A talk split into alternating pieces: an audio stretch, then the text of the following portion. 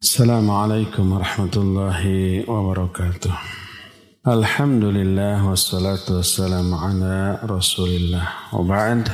Alhamdulillah kembali kita berjumpa untuk melanjutkan kajian kitab Al-Usul Thalatha. Pertemuan yang lalu kita sudah menerangkan tentang wajibnya menerapkan hukum Allah Azza wa Jalla dan yang tidak menghukum dengan hukum Allah oleh Allah difonis kafir, fasik, ataupun zalim.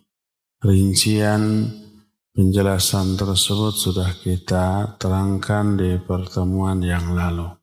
Wad dalilu adapun yang menjadi dalil mana dalil yang kita maksud adalah dalil tentang wajibnya menegakkan hukum Allah dan wajibnya kufur kepada Tauhud. Karena kemarin kita sudah menerangkan makna Tauhud. Dalilnya adalah firman Allah Azza yang terdapat dalam surah Al-Baqarah ayat yang ke-256 La ikraha fid din qad tabayyana rushdu minal ghayb faman yakfur bit wa yu'min billah faqad istamsaka bil urwatil wuthqa lang fisomalaha. Kata Allah, tidak ada paksaan dalam agama karena telah jelas antara yang benar dan yang salah, antara yang lurus dengan yang bengkok. Maka siapa orang yang kufur kepada Tauhid, mana Tauhid sudah kita terangkan pentolannya ada lima ya, ada iblis, dukun, orang yang mengaku-ngaku tahu perkara gaib, sampai yang terakhir yang tidak menghukum dengan hukum yang Allah turunkan. Siapa yang kufur kepada Tauhid dan iman kepada Allah, maka sungguh dia telah berpegang kepada tali Allah yang sangat kuat. Ketika menerangkan ayat ini, la ikraha fiddin, tidak ada paksaan dalam agama. Maknanya tidak boleh memaksa orang lain untuk masuk kepada agama Islam. Kenapa? Karena sudah jelas antara mana yang hak, mana yang batil. Dan ini menjelaskan telah jelasnya antara hak dan batil bagi orang yang tidak boleh dipaksa tersebut menunjukkan adanya kewajiban dakwah. Jelaskan dulu mana yang hak, mana yang batil, mana yang benar, mana yang salah. Bahwa agama Islam ini agama yang hak, satu-satunya agama yang benar. Setelah jelas gamblang kepada dia bahwa Islam ini benar, selain Islam ini salah. Baru nggak boleh dipaksa untuk masuk Islam. Selaras dengan ayat yang terdapat dalam surah Yunus ayat 99 Allah menyatakan afa anta tukrihun nas hatta takunu mu'minin apa kamu akan memaksa manusia agar mereka itu menjadi orang-orang yang beriman maka tidak boleh untuk memaksa orang lain agar masuk kepada Islam. Ini makna la ikroha fiddin. Ketika menerangkan ayat ini, para ulama ikhtilaf. Apa ikhtilaf itu? Berbeda pendapat. Sebagian ulama ada yang menyatakan ayat ini sudah mansuh. Mansuh itu apa? Dihapus hukumnya oleh ayat-ayat lain yang menyuruh memerangi mereka sampai mereka beriman. Di antara ayat-ayat tersebut adalah surah At-Taubah ayat 29. Allah menyatakan Qatilul ladzina la yu'minuna billah wa la bil yawmil akhir wa la yuharrimuna ma haramallahu wa rasuluhu ولا يدينون دين الحق من الذين أوتوا الكتاب hatta yu'tul jizyata an yadin wa hum saghirun. Kata Allah Azza wa Jalla, perangi mereka sampai mereka beriman kepada Allah dan hari akhir. Ini menunjukkan Allah Azza wa Jalla menyuruh mereka itu diperangi sampai beriman kepada Allah dan hari akhir. Kalau sudah beriman, lalu sholat, lalu zakat, biarkan. Nggak boleh diganggu. Tidak boleh dizalimi. Tidak boleh diambil hartanya, disakiti badannya dan seterusnya. Allah menyatakan dalam surah At-Taubah ayat yang kelima, فَإِن تَابُوا وَأَقَامُوا الصَّلَاةِ وَآتُوا الزَّكَاةَ فَخَلُّوا سَبِيلَهُمْ Inna Allah ghafur rahim. Kalau mereka tobat, lalu mendirikan sholat, menunaikan zakat, biarkan mereka, maka sungguhnya Allah maha penyayang dan maha pengampun. Maha pengampun dan maha penyayang. Juga diterangkan dalam beberapa ayat lain yang lafadznya sama, tapi ditempatkan di beberapa ayat yang berbeda. Di antaranya surah Al-Anfal ayat 39 Allah menyatakan wa qatiluhum hatta la takuna fitnah wa yakuna ad-dinu kulluhu lillah. Perangi mereka itu sampai tidak ada lagi fitnah dan agama ini seluruhnya hanya milik Allah. Disuruh diperangi sampai mereka mengaku, memasuki agama Islam ini. Juga diterangkan dalam surah At-Taubah ayat yang kelima tadi di awal di awal ayatnya itu kalau tadi kan akhirnya aja yang kita bacakan Allah menyatakan faidan salakhal ashhurul haram faqtulul musyrikin faqtulul musyrikin haitsu wajadtumuhun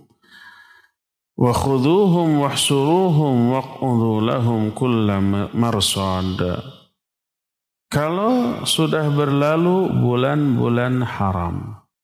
Bulan haram itu bulan-bulan yang dilarang berperang di bulan itu. Kalau sudah berlalu bulan-bulan haram, perangi orang-orang musyrik di mana saja kalian temui mereka dan tangkap mereka, kepung mereka dan tempati tempat-tempat pengintaian untuk mengintai mereka.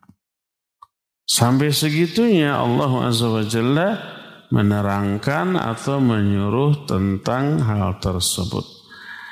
Berdasarkan hal itulah maka jelas sebagian ulama menyatakan bahwa yang dimaksud dengan la ikraha fiddin itu dulu sebelum turun ayat-ayat tentang jihad dan memerangi mereka sampai mereka masuk Islam. Ini pendapat pertama. Pendapat kedua, dan inilah yang lebih kuat di kalangan para ulama. Ada enam pendapat di sini. Pendapat yang kedua menyatakan bahwa adanya ayat tas la ikraha fiddin itu hanya untuk orang-orang yang beragama ahlul kitab Yahudi, Nasrani dan juga Majusi. Adapun selain tiga agama tersebut maka harus dipaksa masuk Islam karena demi kemaslahatan kebaikan manusia termasuk mereka dunia dan akhirat. Lebih baik orang dipaksa untuk baik, untuk benar, untuk selamat daripada dibiarkan mereka bertindak semau-maunya. Karena kekafiran mereka membahayakan kaum muslimin. Di mana letak bahayanya? Pertama tentu saja ada sentimen keyakinan yang menyebabkan mereka benci tauhid, benci Islam dan kaum muslimin. Dan kalau yang seperti itu memiliki power, kekuasaan, memiliki kekuatan, habis Islam. Makanya kaum muslimin yang minoritas di negeri-negeri kafir rata-rata menderita. Jangankan yang minoritas atau di negara yang mayoritas Islam aja kaum muslimin tidak berkutik. Para ulamanya dikriminalisasi, para duatnya diaduk satu sama lain, dibatasi, dikorek-korek kesalahannya. Ada negara yang kayak begitu? Ada. Jadi itu bahayanya kekafiran orang. Itu yang pertama. Ada sentimen keyakinan, melahirkan kebencian, melahirkan kedengkian, melahirkan permusuhan kepada Islam dan kaum muslimin. Kedua, membiarkan kekafiran merajalela di sekitar kita mengundang turunnya murka dan azab Allah. Bagaimanapun gesekan, benturan antara Islam dengan non-Muslim itu tidak bisa dihindarkan dalam kehidupan bersosial, berekonomi, berpolitik. Nggak bisa. Contoh umpamanya, dalam berekonomi orang-orang kafir tidak mengenal halal dan haram, ya enggak? Menerapkan sistem ribawi yang diharamkan dan diperangi oleh Islam dan kaum muslimin menghalalkan sikap gharar di dalam uh, mencari rizki atau kezoliman. Coba gimana nggak zolim umpamanya rentenirnya. Apalagi baru-baru ini heboh ada yang disebut dengan pinjol. Pinjaman online. Ditawari. Nawarinya manis. Menawarinya ramah, baik, seperti seolah-olah sesuatu yang mudah, gampang. Gitu. Nggak banyak sejuta, dua juta, tiga juta. Pas nagihnya, wah, tidak hanya ke dia, ke keluarganya, tidak hanya ke dia dan ke keluarganya, ke semua orang yang nomor kontaknya ada di HP dia kan. Dari tiga juta bisa tagihannya 100 juta bayangkan. Zolim nggak itu? Bingit ya. Orang Islam nggak mungkin begitu. Itu diharamkan oleh Islam dan kaum muslim. Ada benturan dari aspek ekonomi. Demikian juga aspek sosial. Mereka minum-minum, mereka berjudi, mereka mabuk, mereka begini dan begitu yang merupakan kemungkaran yang oleh Islam dan kaum muslimin tidak boleh dibiarkan harus diapa? Dicegah, harus dilarang, harus dibendung yang kayak begitu. Coba penjudi, pemabuk, pezina yang seperti itu dilarang dari mabuknya, dari judinya, dari zinanya. Nurut nggak? Bukan nurut. Ngacungkan perep. Punten pakai bahasa Sundanya. Damal ayah mecat. Nggak akan ada yang berani mecat atau dah bukan pejabat. Jadi malah melawan. Apalagi yang kayak begitu punya uang, punya power, punya kekuasaan. Bisa-bisa yang melarangnya nanti disudutkan, dilaporkan. Ujaran kebencian lah, tuduhan nantinya. Atau fitnah lah, atau macam-macam gitu. Jadi pasti ada benturan secara sosial, juga secara politik dan seterusnya. Itu kalau kekafiran dibiarkan. Nilai-nilai kekufuran pasti akan mengalami benturan dengan nilai-nilai keislaman di seluruh bidang kehidupan. Dalam kehidupan berekonomi, bersosial, berpolitik, dan seluruh bidang pokoknya. Apalagi ideologi. Berdasarkan hal itulah maka Kekufuran tidak boleh dibiarkan. Makanya Allah menyuruh untuk memeranginya. Kecuali yang tadi disebutkan ahlul kitab itu pun dengan adanya kompensasi. Apa kompensasinya? Kompensasinya adalah mereka harus membayar jizyah. Dalam keadaan mereka itu hina, Jizyah itu artinya upeti sebagai bayaran atas jaminan keamanan terhadap mereka. Seperti firman Allah dalam surah At-Taubah ayat 29 tadi.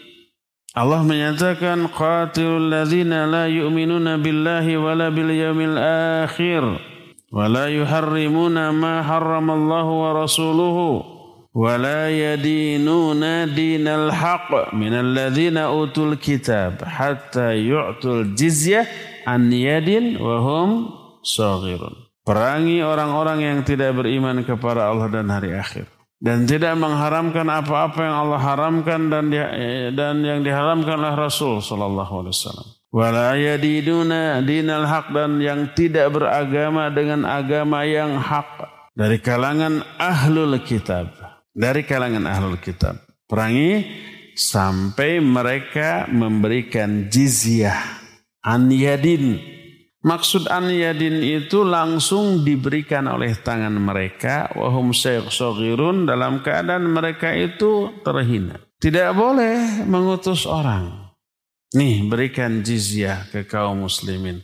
Menyuruh orang lain. Enggak. Langsung an yadin. Langsung mereka sendiri. Tokoh-tokohnya sendiri. Saya dan kaum saya menyerahkan jizyah. Jizyah itu apa?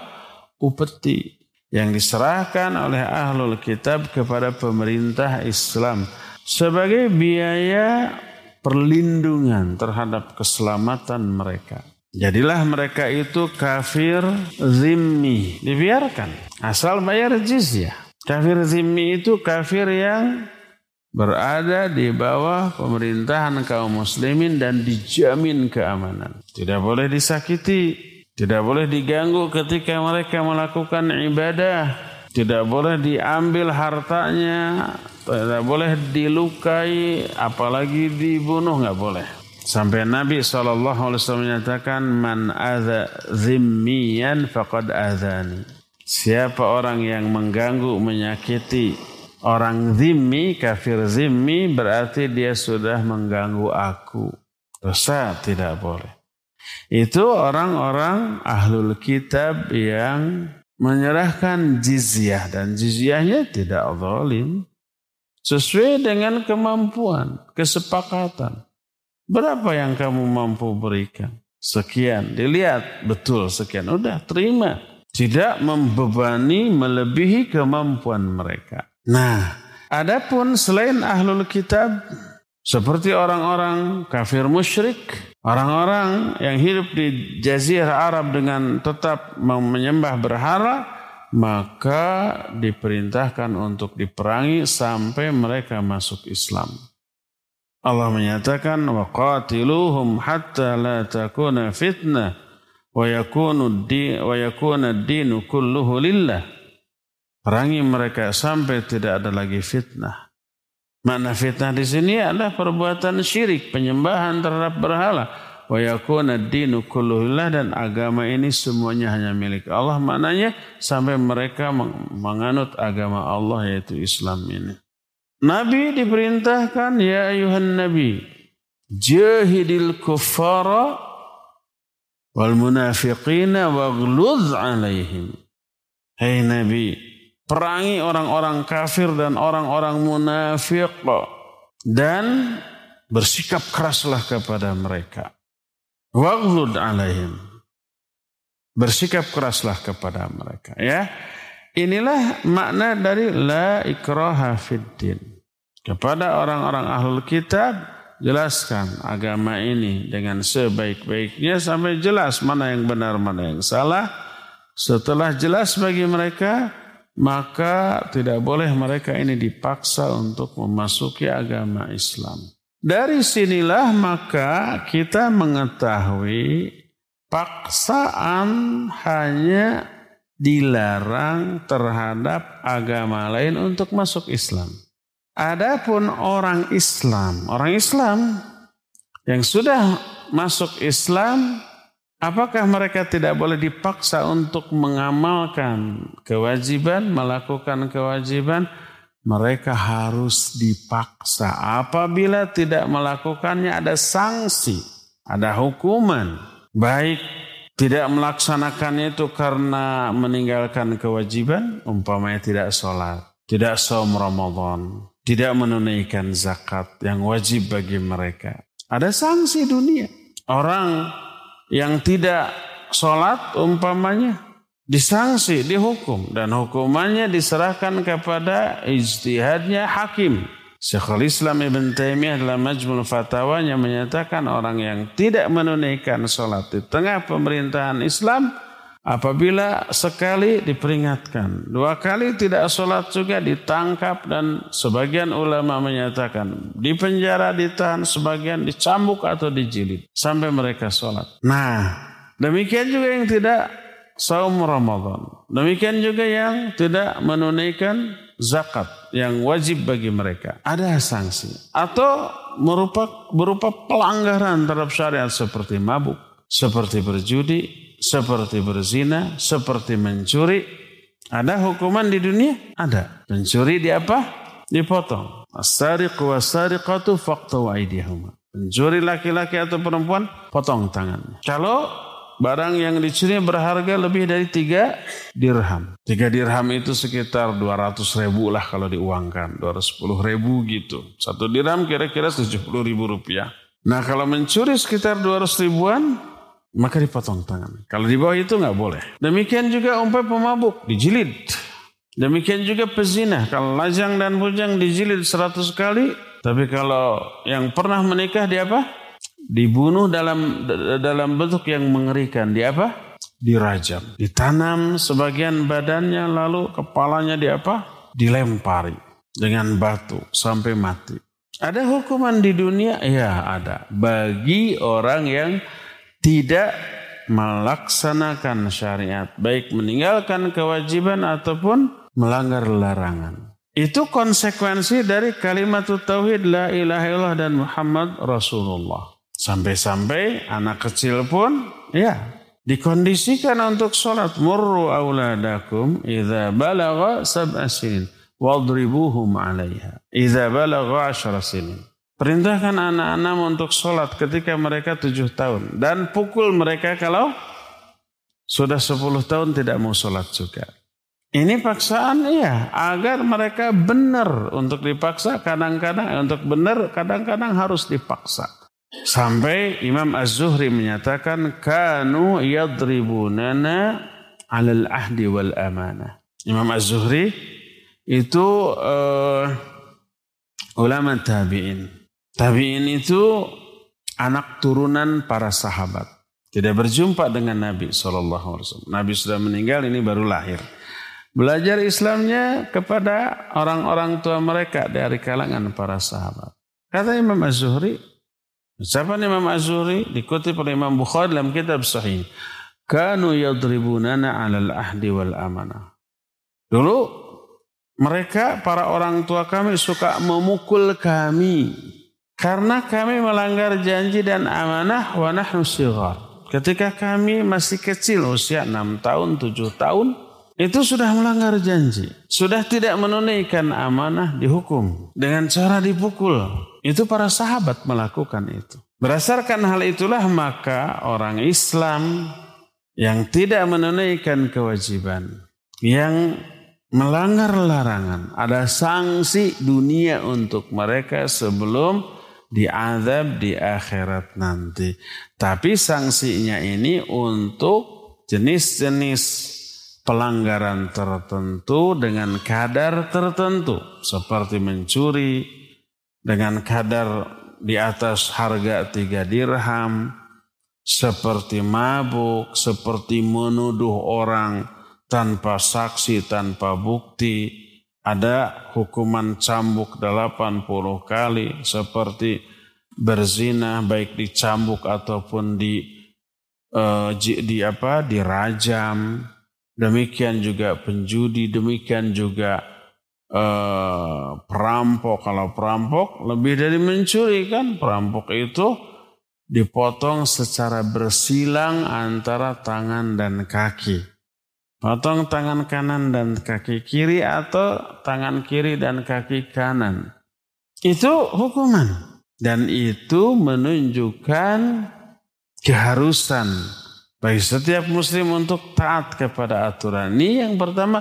Yang kedua, menjaga, memelihara keamanan masyarakat umum. Dengan tidak adanya pencurian, tidak adanya mabuk-mabukan, tidak adanya perjudian, tidak adanya perzinan, aman ini masyarakat. Tidak ada orang yang berani melanggar syariat Islam melahirkan keamanan. Nah karena coba bagi jamaah yang pernah umroh atau haji. Pas azan itu kan para pedagang teh di apa emperan-emperan juga banyak. Ketika azan wajib berhenti. Ya boleh ada ketika sholat yang berdagang bisa ditangkap, bisa dicabut izinnya. Mereka tinggalkan begitu cuma ditutup saja sama kain. Sudah pergi saja ke masjid. Aman tuh. Gak ada yang berani nyolong. Gak ada yang berani mencuri. Karena risikonya begitu mencuri langsung ketahuan karena ada CCTV. Ada kamera ya. Kelihatan. Atau jangankan begitu ya. Di dalam Masjidil Haram itu kamera itu mungkin entah sampai sejuta kamera mungkin. Begitu ada yang diem, ada yang muter begini. Itu ketika tawaf berjejal-jejal gitu ya. Tiba-tiba masuk rombongan polisi, prek, menangkap seseorang. Ternyata orang ini nyopet lagi tawaf, nyopet di Masjidil Haram bayangkan. Orang Indonesia lagi. Kan beritanya sampai viral dulu. Korbannya nggak sadar bahwa dia dicopet. Nggak tahu. Sampai polisi datang, kenapa polisi tahu? Lihat kamera. Itu tuh ada terjadi itu pencopetan pencurian. Kelihatan ketahuan tuh. Jadi begitu. Si korbannya belum tahu. Tapi polisi tahu korbannya si Anu karena ada CCTV tadi dan si pencopetnya diketahui oh, ada CCTV langsung digerowak. Bahaya itu kalau umpamanya ketahuan seperti itu. Makanya aman, nggak ada pencurian. Nggak ada pencopetan. Kalau tuh ada pencopetan dilakukan oleh pendatang. Dan yang tadi itu korbannya orang Indonesia, pelakunya juga orang Indonesia juga ngerakunnya. Lagi tawaf coba bayangkan nyopet. Ada kasus barang hilang ketika haji dan umroh banyak. Memanfaatkan kesempatan dalam kesempitan. Banyak yang kehilangan uang. Ya, oleh karena itu, asli penduduk Saudi tidak ada yang berani. Kalau ada pelaku, itu orang luar. Yang kebiasaan dari negaranya dibawa ke sana gitu ya. Nah, jadi amanlah kehidupan masyarakat apabila ada sanksi sosial, ada sanksi ekonomi juga, ada sanksi fisik juga bagi para pelaku kejahatan tersebut. Ya, wassalamualaikum ala nabiyina Muhammadin wa ala alihi wasallam. Mangga. Assalamualaikum warahmatullahi wabarakatuh. Waalaikumsalam warahmatullahi wabarakatuh. Ustadz mau bertanya ini tadi dikatakan kafir yang bu bukan kitabi itu boleh diperangi. Itu berlaku sampai di mana saja seperti di Indonesia gitu. So di Indonesia ini jangan-jangan diperangi orang yang nendang sesajen aja ditangkap. Iya ditangkap. Bahkan orang Islamnya sendiri juga ikut-ikut menyalahkan bagaimana itu Ustaz. Ya cukup sekian. Assalamualaikum warahmatullahi wabarakatuh. Waalaikumsalam warahmatullahi wabarakatuh. Barakallahu fiik. Pak Husen.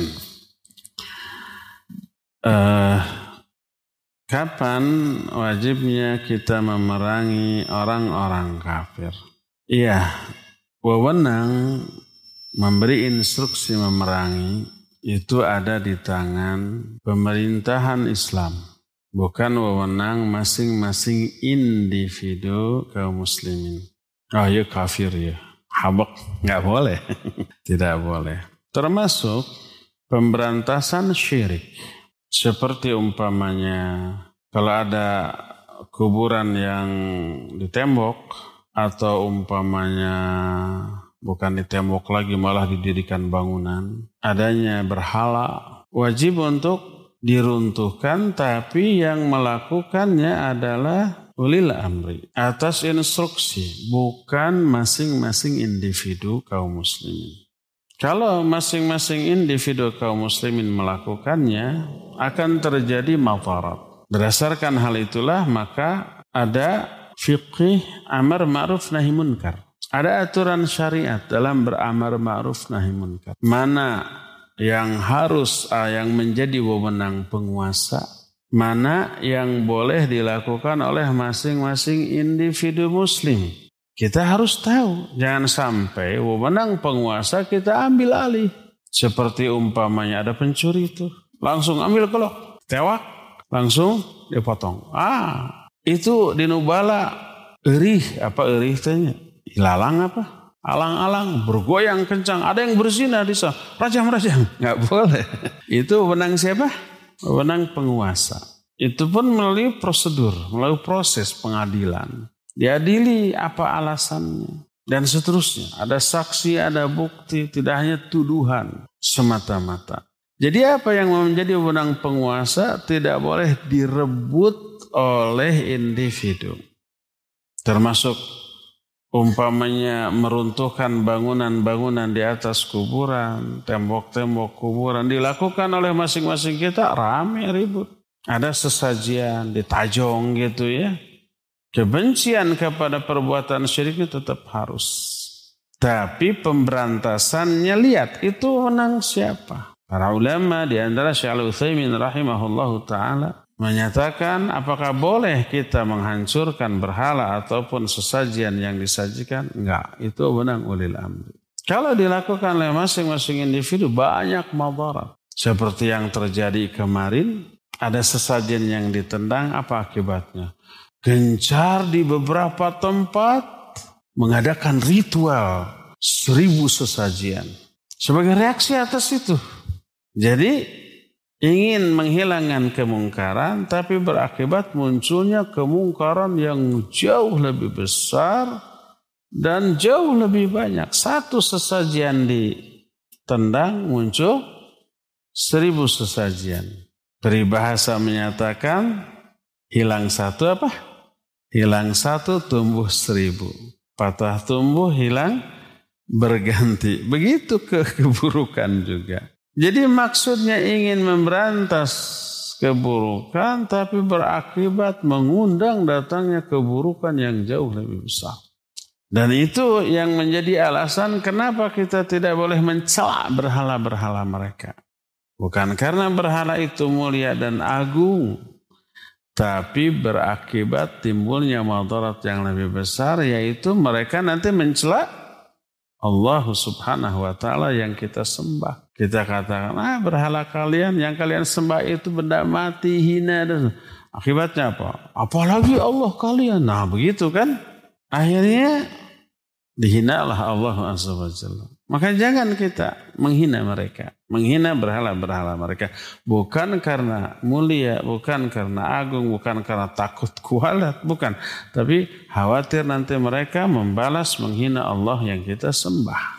Jadi itu semua wewenang penguasa. Yang apabila penguasa melakukannya, ya kita dukung. Tapi kalau tidak melakukan karena tidak peduli, hare-hare gitu ya, itu tanggung jawab mereka. Atau mereka ingin melakukan tapi tidak mampu. Atau mungkin karena kelemahan. Atau karena gejolak yang akan muncul kemudian. Bila itu di diberantas lalu mereka mengatur strategi menunggu kesempatan yang pas. Itu urusan mereka istihad mereka. Bukan wewenang kita. Jadi sekali lagi yang saya jelaskan tadi itu merupakan wewenang dari penguasa muslim. Bukan wewenang dari masing-masing individu kita. Maka tidak boleh kita menerapkan secara individual ya kafir ya, bukan Nasrani, bukan Yahudi, bukan Majusi ya.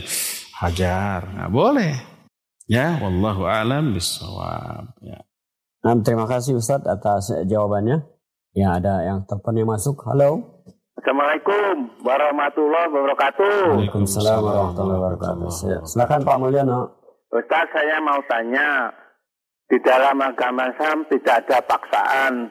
Tetapi ada firman Allah di dalam surat Yunus ayat 99 atau bah 29 dan 5 di Anfal 39. Kalau diperangi apa alasannya itu yang saya tanyakan apa alasannya harus diperangi dan di atas tidak ada paksaan. Sekian, Assalamualaikum warahmatullahi wabarakatuh. Waalaikumsalam warahmatullahi wabarakatuh. Ya, tadi sudah dijelaskan. Sebagian ulama menyatakan la ikraha itu mansuh. Dengan adanya ayat-ayat yang menyuruh memerangi mereka. Sebagian ulama lagi menyatakan itu hanya berlaku bagi ahlul kitab tapi tidak berlaku bagi selain ahlul kitab. Dan ahlul kitab yang tidak boleh dipaksa masuk Islam pun dengan adanya kompensasi berupa memberi apa? Upeti atau jizyah yang besarnya disepakati oleh kedua belah pihak tanpa menzolimi. Karena memelihara keamanan negara itu butuh biaya yang tidak kecil. Terus ada jaminan Siapa yang berani menyerang ahlul kitab yang hidup di negeri kaum muslimin itu berhadapan dengan pemerintahan kaum muslim akan dibela.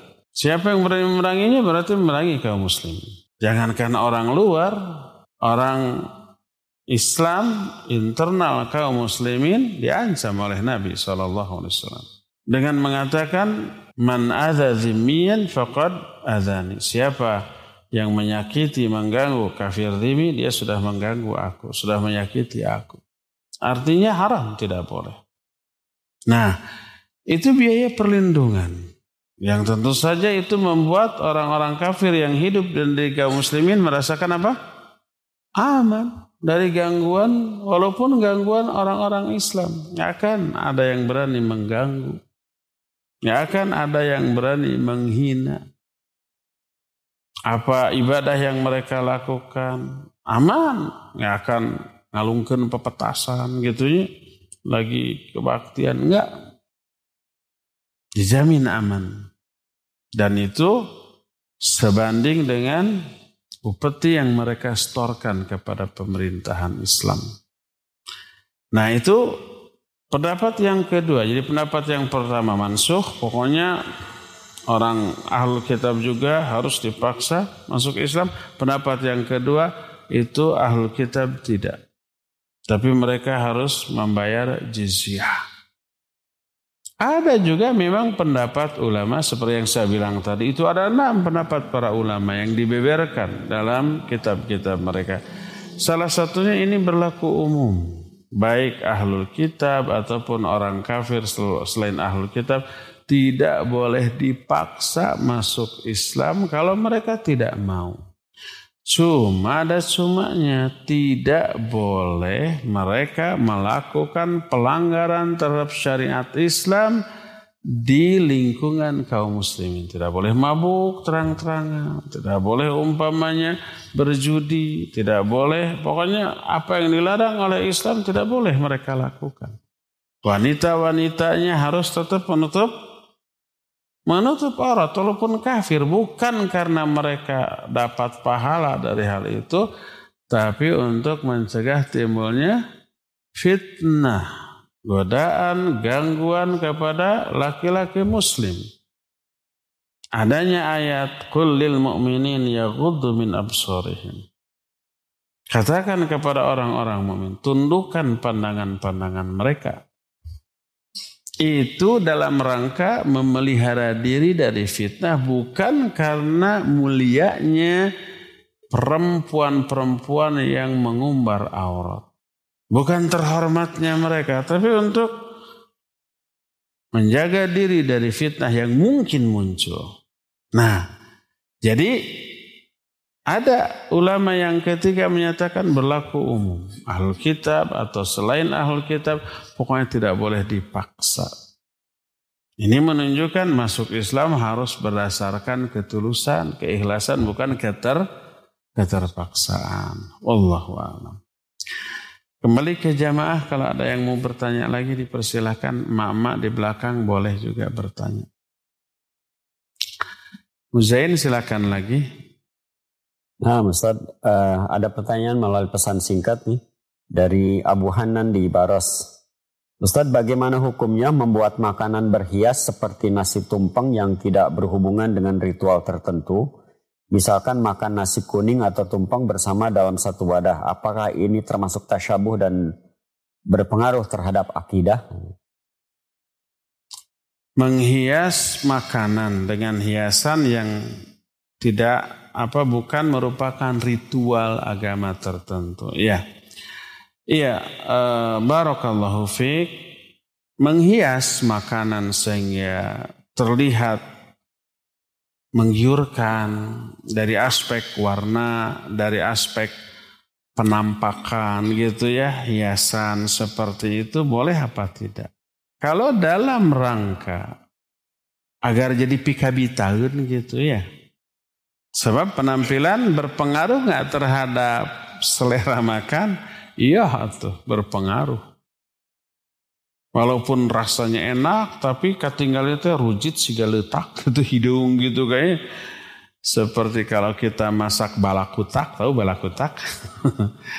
Semacam cumi, tapi ini mah rada bulat gitu. Itu kalau dipasak tintanya kan keluarnya hidung, damehong tuh siga letak. Jadi menghilangkan selera, mungkin rasanya enak, ya mungkin enak. Tapi penampakannya si galetak mah selera. Akhirnya muncul kreativitas dari para chef umpamanya. Tidak sekedar rasa tapi juga penampilan, ya enggak? Dibuat sedemikian rupa agar tempting, agar pikabitain, agar bikin selera. Boleh, nggak apa-apa, nggak masalah. Terus makan sanyiru barengan boleh nggak? Tasyabuh nggak? Tasyabuh dengan siapa? Itu justru kebiasaan kaum muslimin.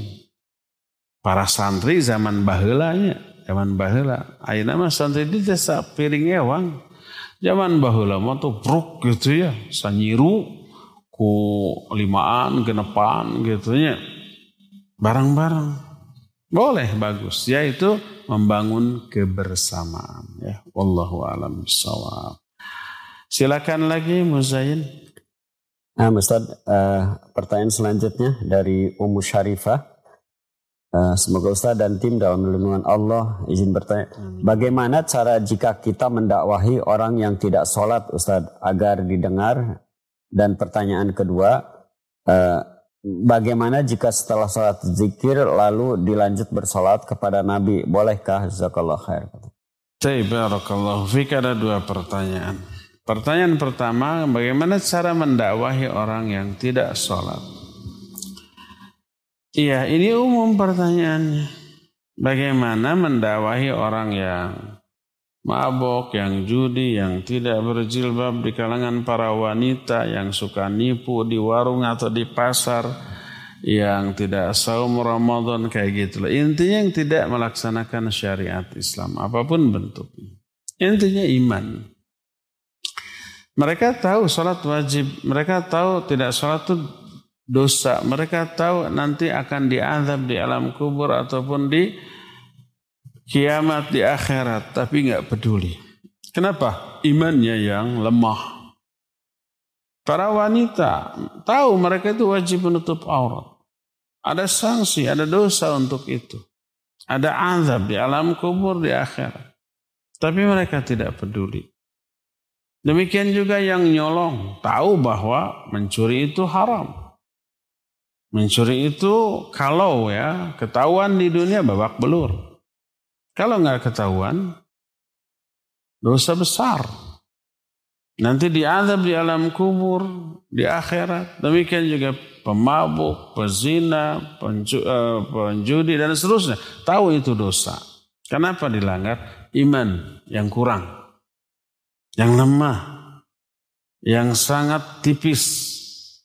Maka bagaimana caranya agar mereka mau sholat, mau berhenti dari judinya, dari mabuknya, mau menutup aurat, pupuklah keimanannya.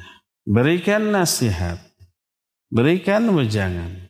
Suruh baca Quran, suruh hadir ke pengajian, suruh belajar ilmu syar'i, suruh melakukan amalan-amalan penguat keimanan, suruh infak dan sodakah.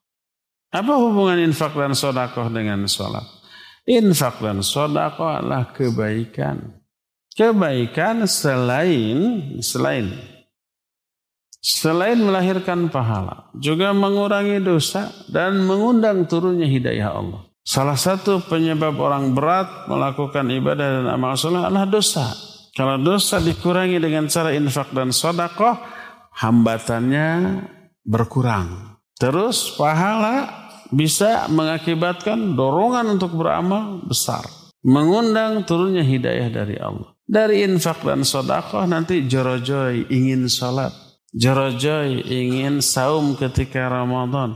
Jorojoy ingin hadir ke pengajian. Jorojoy ini memang bahasa Sunda, nggak ada terjemahannya. Tapi saya mah nggak takut ngomong bahasa Sunda. Malah berani mecatnya. Berhenti jadi ustaz sebab ngomong Sunda. Nggak bisa. Presiden kemarin ke Bandung pakai bahasa Sundanya. Itu kunjungan resmi ke Bandung tuh. Nah jadi imannya diperkuat ya, imannya diperkuat. Suruh hadir ke pengajian, suruh berbuat banyak kebaikan, suruh stop dia dari dosa-dosa dan kemaksiatan yang selama ini dia lakukan. Karena itu yang menghambat dia untuk melakukan ibadah dan amal soleh. Allahu a'lam. Nah, ada penelpon kembali Ustaz. Silakan. Kita angkat. Halo. Assalamualaikum. Assalamualaikum warahmatullahi wabarakatuh. Dari ibu siapa di mana bu? Ibu Ani di Riung Bandung. Oh mangga bu. Uh, maaf di luar tema mengenai sholat witir uh, yang ada kunutnya itu di, di, disebut di situ sepanjang masa. Tetapi kalau waktu waktu idul waktu Ramadan hanya pertengahan minta penjelasannya Pak Ustadz. Wassalamualaikum warahmatullahi wabarakatuh. Waalaikumsalam warahmatullahi wabarakatuh. Tidak ada keterangan bahwa kunut witir itu dilakukan sepanjang masa. Tidak ada. Witirnya iya. Witirnya menjadi sunnah yang muakkadah. Kalau tidak mampu dilakukan nanti, lakukan sebelum tidur. Nanti kalau malam bangun tinggal tahajudnya 8 rakaat. Tapi kalau mampu ya nanti bangun tahajud 8 rakaat tutup dengan witir minimal satu ya syukur kalau tiga Adapun kunut witir, kunut witir jumhur ulama menyatakan hanya berlaku pada waktu bulan Ramadan, itu pun boleh dari awal. Boleh dari pertengahan. Boleh dari 10 hari terakhir. Tapi yang lebih rajih dari keterangan yang ada, yang lebih kuat adalah dari pertengahan Ramadan. Dan itu yang kita terapkan di masjid ini. Pertengahan Ramadan memulai kunut witir. Adapun kunut witir di luar Ramadan tidaklah disyariatkan. Menurut jumhurul ulama. Ada ulama yang berpendapat Uh, boleh kunut witir di setiap malam? Boleh ya. Berdasarkan hadis yang diterima dari Hasan bin Ali bin Abi Thalib radhiyallahu anhu Hasan ini siapa? Nabi alaihi salatu wasallam cucu. Allamani Rasul sallallahu alaihi wasallam duaan fil qunut. Nabi sallallahu alaihi wasallam mengajari aku doa dalam kunut kunut witir Ya Allahumma hadina fi Allahumma hadini fi man hadait wa afini fi man afait wa tawallani fi man tawallit sampai akhir. Dan itu adalah doa kunut kunut witir. Dan itu diajarkan oleh Nabi kepada cucunya pasti bukan untuk kunut Ramadan. Karena kunut Ramadan itu pasti di masjid bermakmum kepada Rasul Sallallahu Alaihi Wasallam. Bermakmum kepada imamnya. Tapi diajarkannya tersebut untuk diri sendiri dan Hasan bukan imam di dalam sholat. Ketika kecuali ketika beliau menjadi khalifah ya. Tapi ketika diajari Nabi masih ada, Abu Bakar, Umar, Uthman, Ali juga masih hidup. Nggak mungkin jadi imam. Nah ini untuk diri sendiri di dalam sholat tahajudnya. Witir seusai tahajud. Jadi sebagian ulama menyatakan boleh. Jumhur ulama menyatakan tidak disyariatkan. Karena Nabi SAW pun tidak diriwayatkan kunut witir di luar Ramadan. Walhasil ini masalah yang diikhtilafkan oleh para ulama. Ya. Jadi yang dimaksud kunut eh, apa namanya sepanjang masa bukan kunutnya tapi witirnya. Adapun kunutnya ikhtilaf tadi ya. Wallahu alam bisawab. Syukuran Ustaz atas jawabannya. Pertanyaan terakhir uh, datang dari Ummu Hanifah Ustaz. Ustaz ada orang yang merusak kesyirikan di negeri mayoritas muslim. Kenapa kok malah ditangkap pihak yang berwenang ya Ustaz? Syukran Ustaz. ada orang yang merantas perbuatan syirik. Kenapa ditangkap oleh yang berwenang? Karena hukum yang berlaku di Indonesia hukum positif. Bukan hukum Islam. Itu yang pertama. Yang kedua adalah pencegahan terhadap perbuatan syirik dalam bentuk seperti itu tadi sudah diterangkan wewenang. Ulil amri wewenang penguasa. Kalau penguasa tidak melakukannya itu tanggung jawab mereka. Dosa atas mereka tapi tidak dilakukannya wewenang penguasa oleh mereka tidak berarti boleh bagi kita mengambil alih tugas itu enggak. Sama dengan memotong pencuri memotong tangan pencuri. Boleh kita lakukan? Enggak boleh. Sama dengan mencambuk pem pemabuk. Ada tukang mabuk cepengan cepengan cepengan. Orang cambuk. Boleh? Tidak boleh. Itu wewenang penguasa gitu ya Apabila itu di take over, diambil alih oleh masing-masing individu, keliru, salah. Menurut aturan Islam juga salah. Tanpa membenarkan perbuatan memberi sesajian, ya enggak. Itu tetap syirik, ya syirik. Tapi bagaimana cara merantas perbuatan syirik tersebut? Ada aturannya.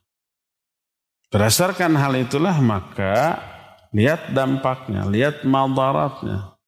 Karena ingin memberantas syirik dengan cara yang tidak syar'i, caranya berakibat madarat. Apa madaratnya? Muncul seribu sesajian.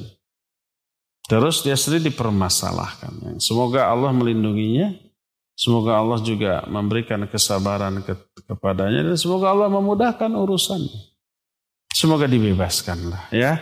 Dan ini menjadi pelajaran bagi dia untuk di kemudian hari dan juga pelajaran bagi yang lain. Ingat, ada amar ma'ruf nahi munkar yang menjadi wewenang penguasa yang tidak boleh diambil alih oleh masing-masing individu kaum muslimin.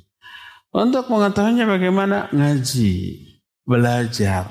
Terus yang benernya gimana? Ya ngaji lah. Kita nggak mungkin menjelaskan kasus per kasus, poin per poin. Tapi harus kita jelaskan kaidah dasarnya terlebih dahulu. Dan untuk itu dibutuhkan belajar. Minimal nanya dulu kepada ustadz, nanya dulu kepada orang yang lebih tahu. Ya, fasalu ahla zikri in kuntum la ta'lamun. Jadi begitu. Seperti umpah kita ada ada wabah nih, ada cikungunya yang diakibatkan oleh nyamuknya. Ada DBD, ada ini, ada itu di lingkungan kita. Akhirnya kita bertindak tanpa konsultasi ke ahli kesehatan. Akhirnya bertindaknya kumaha mungkin umpama orang ayah kendurukan, kendurukan sampah supaya si si si si nyamuknya mabuk. Apa akibatnya? Akibatnya polusi. Nyamuknya anggar tidak matinya. Apa yang harus kita lakukan? Tanya ke orang yang tahu tentang bagaimana cara membersihkan lingkungan kita dari nyamuk seperti tanya. Mereka ahlinya. Dia fogging kayak gitu ya. Kandungan asap foggingnya juga khusus, tidak asal asap. Kemudian bisa membunuh kan gitu. Nanya ke ahlinya. Ada pandemi seperti kita. Ya, Bagaimana cara pencegahannya? Nanya ke ahlinya. Jangan menurut kita. Ada yang kena. Bagaimana penanganannya? Jangan cari-cari sendiri. Nanya ke ahlinya. Segala sesuatu fas'alu ahla zikri kuntum la ta'lam. Termasuk ada yang perbuatan syirik. Nanya dulu ke ustaz, gimana sikap kita? Jangan langsung talapung, ditajong gitu ya. Akibatnya mati satu, tumbuh seribu ya. Itu ya. Cukup ya sampai di sini saja. Insya Allah kita jumpa kembali melanjutkan kajian ini di hari Senin yang akan datang. Nanti jam 8 Insya Allah ada kajian lagi menyangkut kitab ada wadawa tapi tidak di masjid itu di radio saja didengarkannya ya. Subhanakallahum bihamdik asyhadu an la ilaha illa anta astaghfiruka wa atubu ilaik walhamdulillahi rabbil alamin. Wassalamualaikum warahmatullahi wabarakatuh